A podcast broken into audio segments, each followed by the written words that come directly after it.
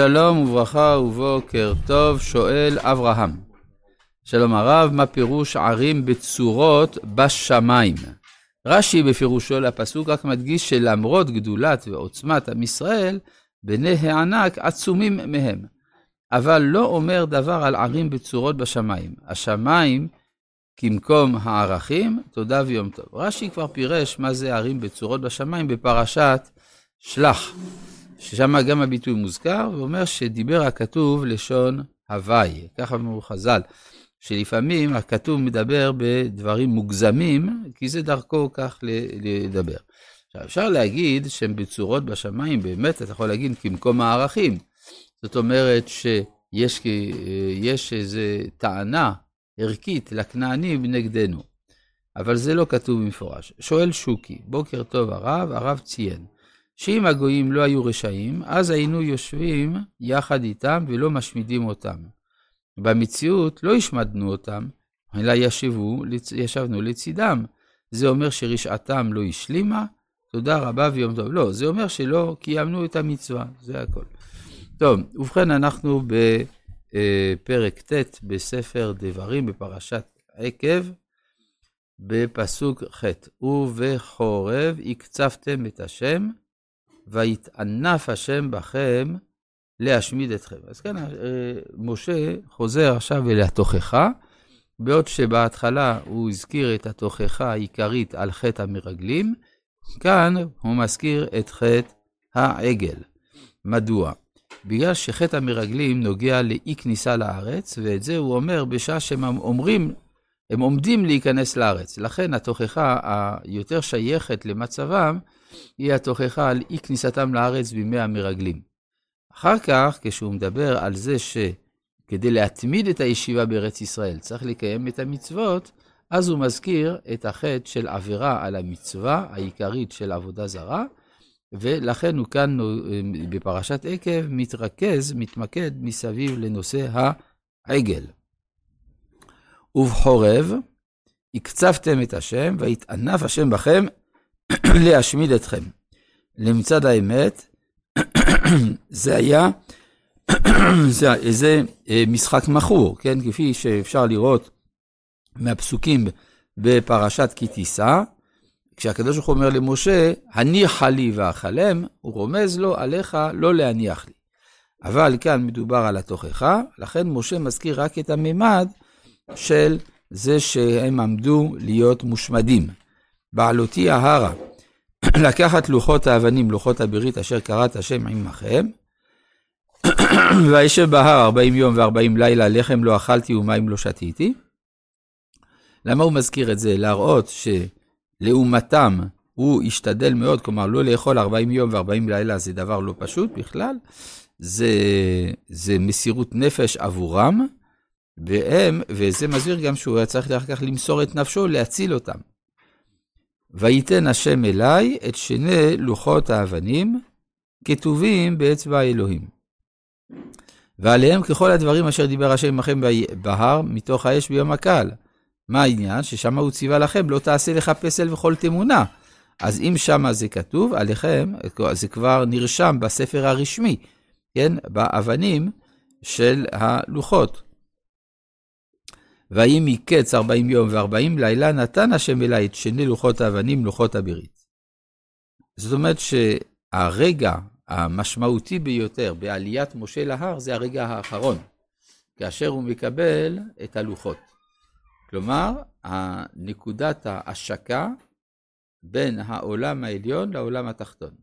זה היה הרגע העילאי ביותר של המגע הזה במהלך ההיסטוריה.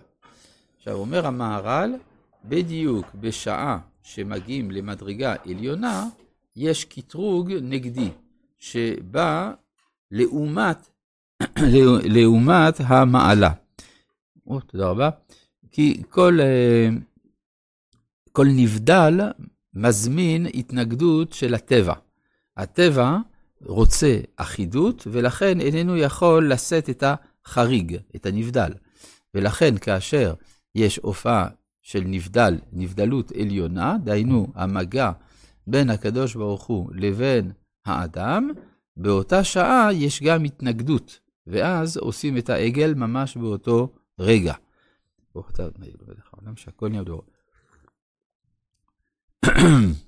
מה?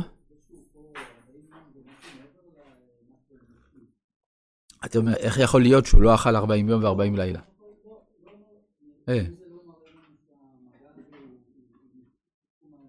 זה ברור, זה ברור.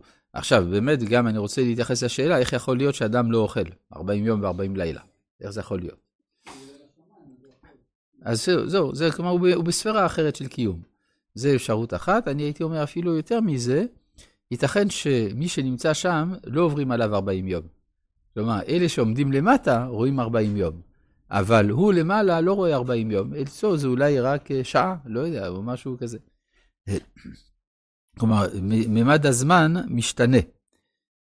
אה, גם ראינו את זה במבול, כן? 40 יום ו-40 לילה, זה ההתגלות, זה גם פה.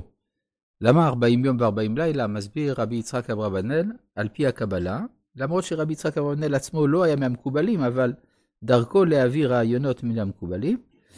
40 יום זה ארבע פעמים עשר. העולם נברא בעשרה מאמרות, כנגדם מעשרת הדיברות. כיוון שיש ארבע עולמות, אצילות, בריאה, יצירה ועשייה, אז כדי שהתורה תרד צריך 40 יום ו-40 לילה. אה, פסוק, כן, פסוק י"א, ויהי מקץ 40 יום ו-40 לילה, נתן השם אלי את שני לוחות האבנים, לוחות הברית, ויאמר השם אלי, קום, רד, מהר מזה, כי שחט עמך אשר הוצאת ממצרים, סרו מהר מן הדרך אשר ציוויתים, עשו להם מסכה. ויאמר השם אלי לאמור, ראיתי את העם הזה, והנה עם קשה עורף הוא, הרף ממני, ואשמידם. זאת אומרת, כאן הוא מזכיר להם שהקדוש ברוך הוא רצה למחות אותם, ואתכם שמע מתחת השמיים, ואעשה אותך לגוי עצום ורב ממנו. לכאורה, ההצעה הזאת, עם כל זה שהיא פיתוי גדול של שדרוג מעמדו של משה להפוך לאחד האבות, או לאב של אומה חדשה, יש עדיין קושי, הרי אם בני אברהם, יצחק ויעקב הרשיעו, ואז, ואז יוצא שהפרויקט של הקמת עם ישראל לא הצליח כביכול, אז מי ערב שבניו של משה גם הם לא יעשו את אותו דבר? מה זה, ואעשה אותך לגוי עצום ממנו. אתה, כמו שהם הרשיעו, גם הבנים של משה ירשיעו. הרי אין לנו שום ערובה נגד הבחירה החופשית של האדם. אלא הכוונה שהקדוש ברוך הוא מציע למשה לשנות את ההגדרה של הזהות ישראל. בעוד שעד אז הזהות הייתה בני אברהם, יצחק ויעקב, עכשיו זה יהיה תלמידי משה.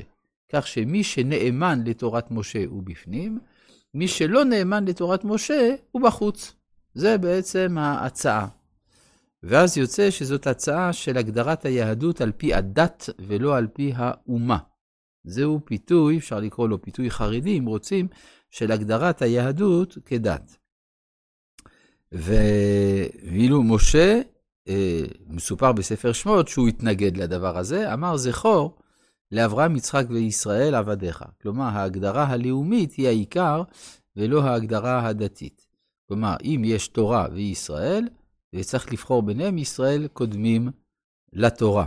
יש... אה, אה, שלום, אה, טוב, אז זה בעצם ה, ה, מה שמשה אמר לקדוש ברוך הוא, זה לא מוזכר כאן. למה זה לא מוזכר כאן? כי כאן משה לא רוצה ללטף את בני ישראל, הוא רוצה לתת תוכחה לבני ישראל. לכן הוא לא מזכיר את זה שהשם, אה, שהוא מנע ברגע האחרון את ההשמדה של עם ישראל. והאפן, אגב, זה בדיוק אה, מה ש...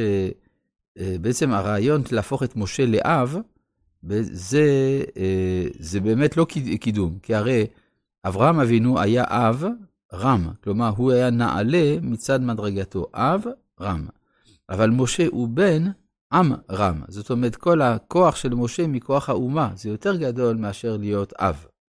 כן, ולכן קראו לו בן עם רם. יש אומרים שזה גם בגלל שלאבא שלו קראו עמרם, אבל זה כבר על דרך הדרוש. ואפן, וארד מן ההר, וההר בוער באש. ושני לוחות הברית על שתי ידיי. מה אומרת בוער באש? שההתגלות גלויה לבני ישראל.